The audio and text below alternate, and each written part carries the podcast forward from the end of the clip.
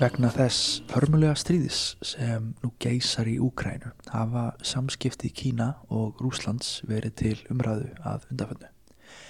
Þegar Putin Rúslandsfósiti hitti Xi Jinping fósita Kína í Peking rétt fyrir vetróli pjöleikana í februar síðastinum örðu fósitarnir sammála um að engin takmörk væru á tengslum landana, hvað sem það svo sem þýðir. En hafa samskipti þessara miklu grannþjóða alltaf verið svona takmarka laus eða alltaf á vinarlegum nótum. Við skulum skoða hann samskipti þeirra í sögulegu ljósi.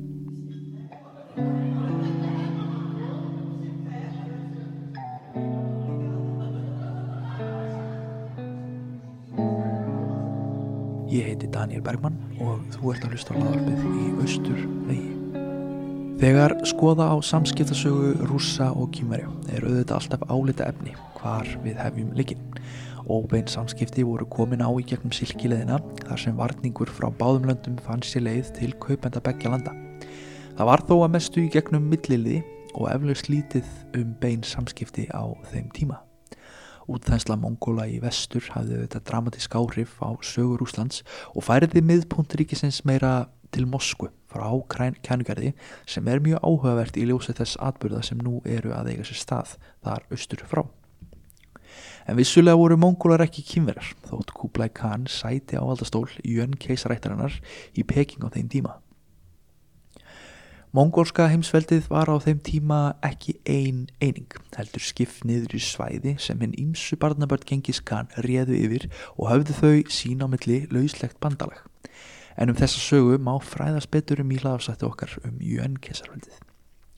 Í norðari lifði það fólk sem nú er sikkur megin landamærarna í sátt og samlindi að mestu án þess að vera meðvitið um það tilherði sérstökum þjóðríkum en þá fóru þau ekki að skipta máli fyrir en á allra síðustu öldum. Kanski við hefjum bara leikinn þar þegar russar fara að auka áhrif sín í Sýberju, allt austur að kera hafið þar sem fyrir er síðasta keisarveldi Kína. Tsingveldið sem réð yfir mesta landmassa sem Kímest ríki hefur ráðið yfir fyrr og síðar ef frá er skilið veldi Mongóla sem voru auðvitað ekki Kímest veldi þrátt fyrir jönveldið eins og áður hefur komið fram. Rússar eru sem sagt að þennja útveldi sitt í allar áttir.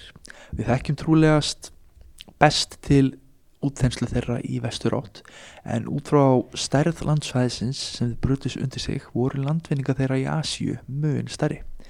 Við lók 17. aldar voru gerðir fyrstu samningarnar á myndli landana um landamæri. Einn svo nefndi Nertsinski samningur sem var gerður árið 1689.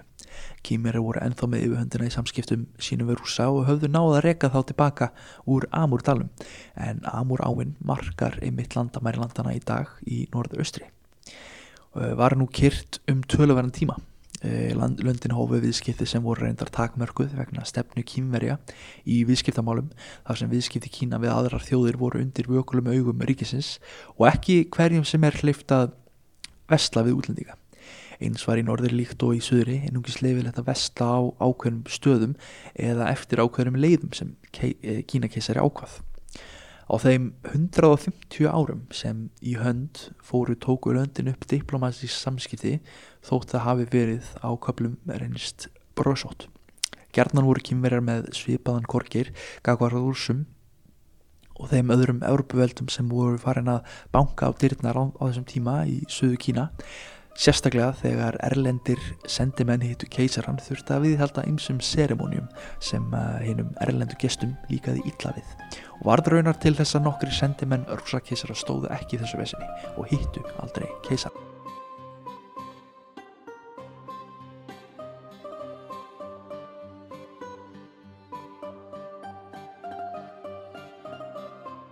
Eins litu kýmverjar niður á rúsa töldu þá ósitaða villimenn gerðnan með drikkjulæti og óspektir. Það var svo sem ekkert nýtt þegar að koma samskipti kýmverja við Evrumenn sem í auknumæli leituðust eftir viðskiptum við Kína. Kína var jú miðja alheimsins eða Tianxia og aðrar þjóðir máttu teljast hefnar ef keisarin í Peking bauð þeim að gerast hjálendur.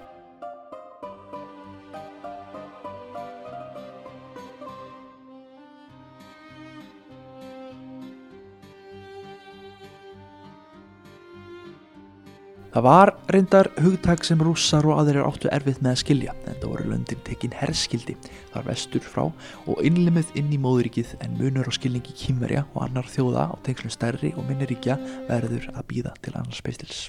Þegar líða fór á 19. öldina fór munur á tíngveldinu kýmverska vesturlöndum og að verða meira og meira ábyrjandi. Európaríki fór að knýja fastar á hérna harðavestu kýmversku dyr með opnun sem endaði svo með fyrra ópjum stríðinu sem laug með snöðlegum ósir í Kína og öll niðurlægingarnar eins og setna tíma sakfræðingar tala gætnan um hef, hefst. Rússar eru á þessum tíma mjög svo vaksandi stórveldi í Eurasju við það að vinna krimskafa Tyrkjum og við að færa út sínar mikl, sitt mikla ríki inn í mið-Asju. Þegar svo setna ópjumstríði braust út nótuður rússar tækifærið og tóku yfir gríðast og landsaði norður og austur af Kína alla leið til Kirrahafsis þar með talið Vladivostok sem að hafði verið á kýmversku landsvæði þar áður. Þessi yfirtaka var staðfest í hennu svo kallaða Peking samkómulagi á milli rússa og kýmverja sem kom í kjölfarð uh, mjög svo niðurlægandi Tjensinn sáttmála sem fer trúlega í kýmverska sögubækur sem veit mest niðurlægandi sáttmálinn sem Kína gerði við önnu ríki á þessum tíma og gerði Kína að hálgerðili nýlendu vestræna ríkja.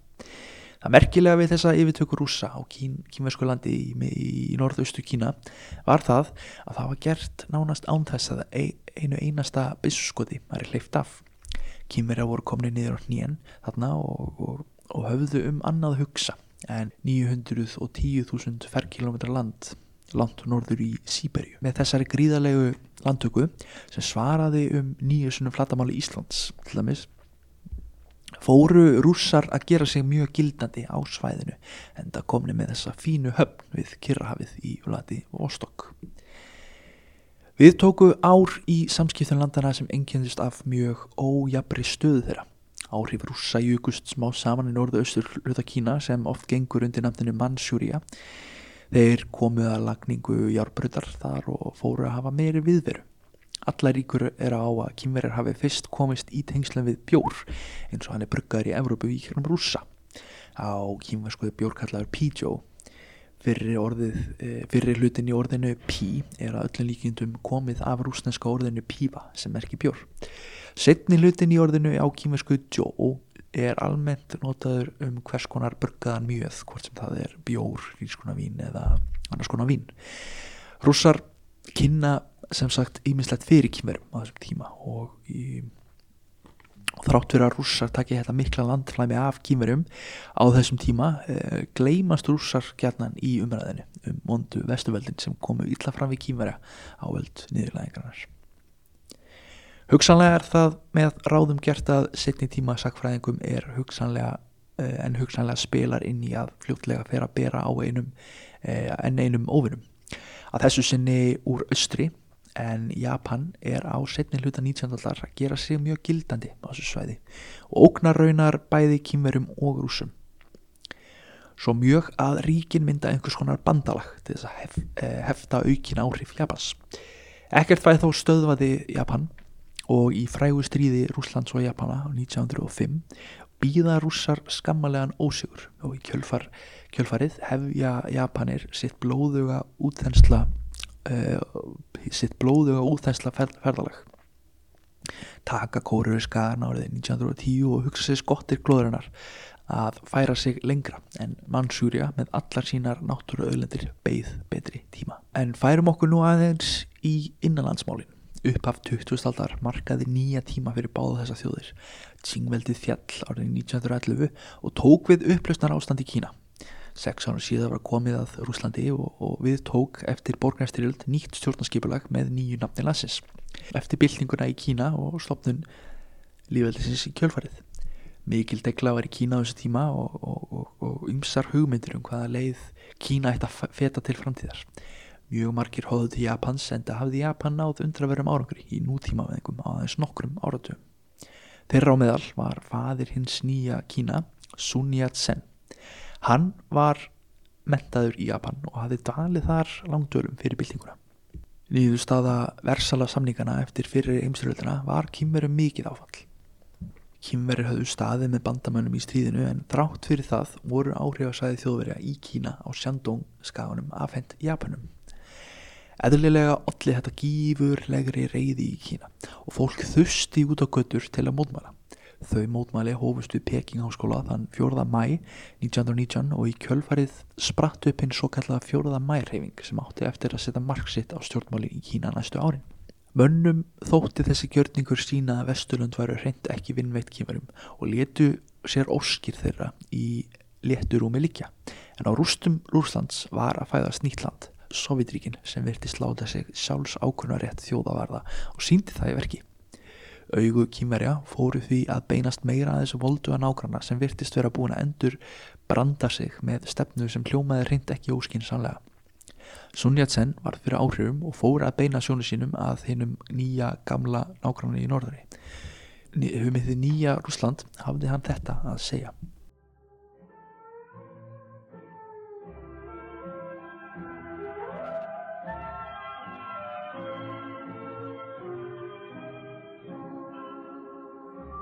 Í dag er nýtt land í Evrópu sem litið er niður á og hefur verið rekið úr fjölskyldu þjóðana í henni kvítu Evrópu.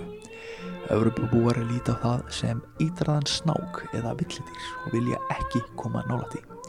Slíkt sjónamið er einnig uppi við í nokkrum Asjölundum. Þetta land er Rúsland. Rúsland er að reyna að skera sig frá hennu kvítu Evrópu. Af hverju? Vegna þess að það fer fram á réttláta stjórnun og hafnar stjórnun hins sterka. Það hefur á lofti grundvallaratriðum sem byggja á góðmennsku og réttlæti og neytar arðráni og valdi. Það heldur á lofti réttlæti og stendur á móti kúun meirulhutans að fendi minnulhutans. Með þetta er rúsnesk menningu okkar tíma farin að minna á okkar gömlu menningu. Þess vegna tekur hún höndum saman við þið austurlenska og skilur við vestrið. Nýju grundvallar prinsip Rúslands eru taldar óásættalega af Evrópumönnum. Þeir eru hrættir um að þessi prinsip sett í framkvæmt muni kollvarpa stjórn hinn sterka. Því sætta þeir ekki sig við eina nýju rústasku leið sem er í samljómi við góðmennsku og sangirni og afnita því sem landi sem fer ekki eftir leikreglum heimsins.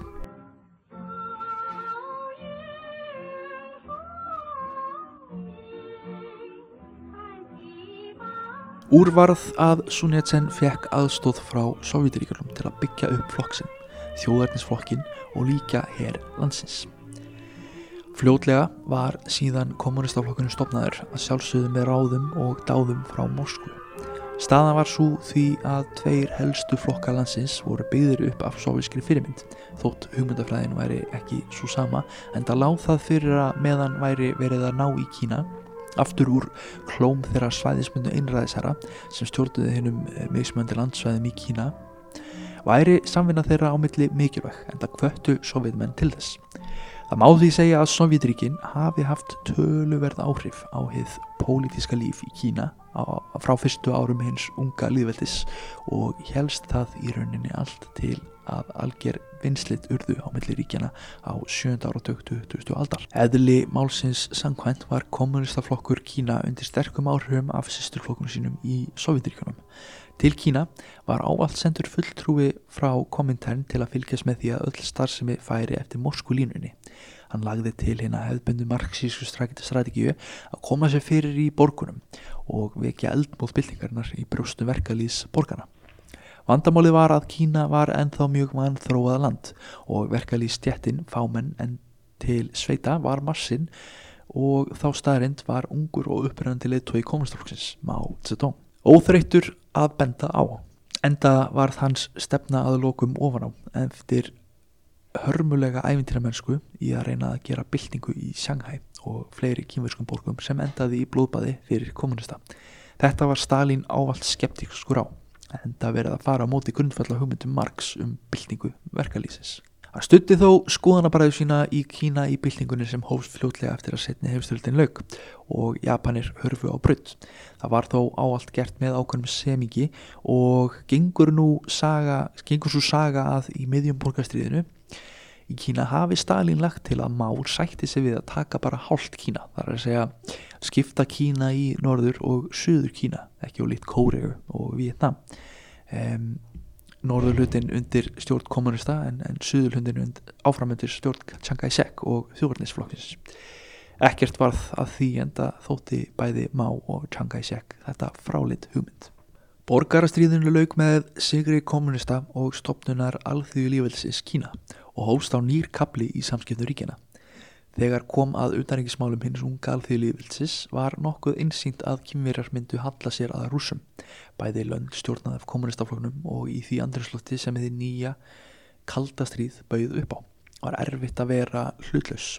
Sovjetmenn höfðu auk þess aðstóðað skoðanabræður sína í Kína í borgarstríðinu við þeirri þjóðarninsina og því nokkuð einsýnt að eftir að þeir tækju við valdatauðunum er þið fyrst hort til Sovjetríkina eftir stuðningi og aðstóð og það gerði Má og hans samverkamenn. Stefnan var kölluð að halla sér í átt og í kjölfarið hófust viðræður á milli landana á mjög viðtæka aðstóð Sovjetríkina við Kína á flestum sviðum, sérstaklega þó á efnahags- og hernaðar sviðinu. Svo mikill tungi var settur í þetta samband að máformaður fór sína fyrstu og einu utlandarsför til Moskvu til að ganga í viðræður á milli landana. Þessi för Más var þó engin sérstök skemmti för fyrir hann. Hann tók þátt í hátíðahöldunum með öðrum kommunistalitunum í tengslum við 70 ára ammali Stalins en að öðru leiti dvaldi hann að vestuleiti á hótelsvítu sinni aðgerralaus þá í þá mánuði sem hann dvaldi í Moskvu og leittist mjög að eigin sögn. Honum fannst maturinn í Sovjetríkunum vondur og hafði allt á hornum sér. Vissulega voru einhverja viðræður í gangi en hann tók ekki beinan þátt í þeim frá degi til dags. Svo sannlega var nóg fyrir hann að gera heima örfáum vikum og mánuðum eftir stopnun alþjóðlífilsins og þóttu honum því þetta vera hinn mesta tímasóan. Þetta voru líka einu skiptin sem Má og Stalin hittust augliti til auglitis. Báðir stórir einstaklingar og, og þótt Má viðkenni vissulega að ákveðina stöðu Stalin sem leðtúa hins kommuníska heims, þá var það ekki eðli hans að gerast undirsáta eins njegin eins. Viðræðunar dróðust á langin en að lokum stóðust kymera kröfur rúsa um að þeir fengu ítök í mannsjúrju eins og á 19. öld og fram á þá 20. Það þurfti þó þann snjalla samníkamann og hægri höndum ás Joe Enlai til að koma samkúmulagi á milli landana í höfn en eftir að hann kom til Moskvu fóru hlutirnar að ganga greiðilega og skrifa vandir samninga við náttu bandalags og gagkvæmnar aðstóða landana þann 14. februar 1950 og gildi samningurinn til 30 ára. Við tók mikil uppbygging í Kína með sovískri afstóð og var efnahagskerfi Kína smám saman byggt upp af sovískri fyrirmynd. Nokkru mánuðum síðar hófst svo kóruðustriðið hafi einhver vafi leikið á að kýmverja myndu halla sér að sovjetimönnum var sá evi núna að engu orðin enda margar kóruðustrið ákveðin vatnaskill í alþjóðamálum þar sem heimurinn skiptist rækjala upp í anstæða blokkir. Kýmverjar stuttu enda mjög við styrðisaksus trúbræðisina í Norður Kóru og með miklum mannabla hins svo kallað sjálfbóðlis hers e, á samt ástóð Sovjetiríkjana í formi ertóla og þá sérstaklega lofthernaðar. Tókst þeim að koma herr Suðu Kóru bandaríkjamanna og bandamönum þeirra aftur á 38. britta 38. breytabögg þar sem unnsönd landamæri ríkina höfðu verið fyrir stríð. En þegar bestlétt voru hér söðu kóru og bandamanna þeirra komið vel áleis að Jalu Anni sem skilur á melli Kína og kóru áður en kínverðar skárust í leikin. Communists extend the olive branch of peace. In Korea, their soldiers still make war. Men fight and die for battered bunkers and shell-scarred trenches on the barren rocky slopes. Daily, UN troops march into battle to pay in blood and pain for strategic hills. Observation planes and spotters on the ground seek out the dug-in Reds, stubbornly clinging to their outposts.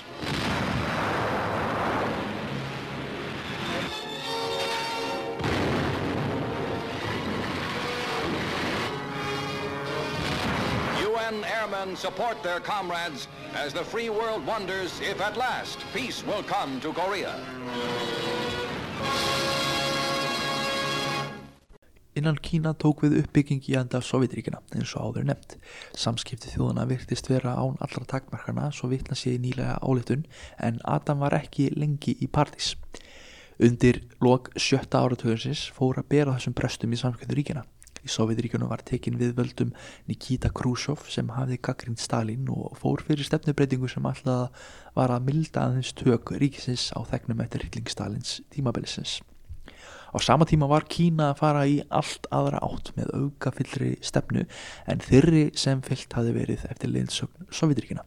Stóra stökkið fram á við var nýjasta útspilið til að koma Kína í átt að allsnægtum komnistmanns sem endaði með einni skelvilegustu hungursneið sem sögur fara af. Samskiptin voru mjög hratt vestnandi og enduðu í algjörum fjandskap með skærum á landamærum ríkjana. Sovískir sérfræðingar heldu heimaleið og kýmverjar borguðu að fullu fyrir það aðstóð sem þeir höfðu fengið og lókuðu sig að mestu af fyrir umheiminum. Bæði lönd stuttu þó við bakið á norður Víetnamum í stríði þeirra við nákvæmlega sína í suðri vel stuttum af bandaríkjamannum. Í kjölfarið voru kýmverjar mjög ávarðbergi gagvert sovjetmönnum og aðgerðum þeirra í nákvæmlega Kína. Þannig bröðust þeir mjög hart við áhrifu þeirra í í Indókína og eins stóðu þeir með bandaríkjunum og öðrum ríkjum sem mógmæltu innra á sovjetmanna í Afganistan þar sem þeir meðal annars sátu heima á samt fjölmörgum öðrum þegar að vetraolimpíuleikandir fóru fram í Moskvu árið 1980. Síðan fóru nýju hlutar að gerast í báðuríkjunum og eins og var með byltingarnar í báðunöndum í á svipum tíma í byrjun aldarinnar varð aftur nokkur skonar bylting í báðunöndum á svipum tíma á nýjunda áratug síðust aldar sem fyrr aðeins á undan í Kína. Deng Xiaoping komst til valda í Kína og bóðiði mikla breytingar á stefnu forverðar sinna sem var komin út í alger ung stræti. Nokkrum árum setna tók Mikhail eh, Gorbachev við valda stólunum í Moskvu og bóðiði einnig byltingu á úr sér í gegnu eh, á úr sér gengnu kerfi í sínu landi. Bæði lönd fóru að veta slóð markaðsbúskapar og opna sig fyrir umheiminum, sérstaklega Kína. Svo eitt góðan veðudag voru Sovjetríkin ekki lengur til og Rúsland, Jeltsin, reys upp úr þeim rústum á samt 14 öðrum sjálfstæðum ríkjum. Þar af þrjú þeirra nýjir nákvæmnar Kína. Löndin tóku upp friðsamlegri samskipti sem síðan hafa bara batnað eftir sem liðið hefur á og auðvitað margt sem samena þau á hinnu alþjóðlega sviði. Helstu, helstu síðustu misseri anduð á bandaríkarum sem mesta veldi heimsins um þessa myndir. Það hefur sem sagt gengið á ymsu í samskiptum landana í gegnum aldrinnar og þó svo að nú séu tengslinn betri en oftast áður segir sagan okkur að slíkt geti breyst á stöndum tíma eins og dæmin sanna.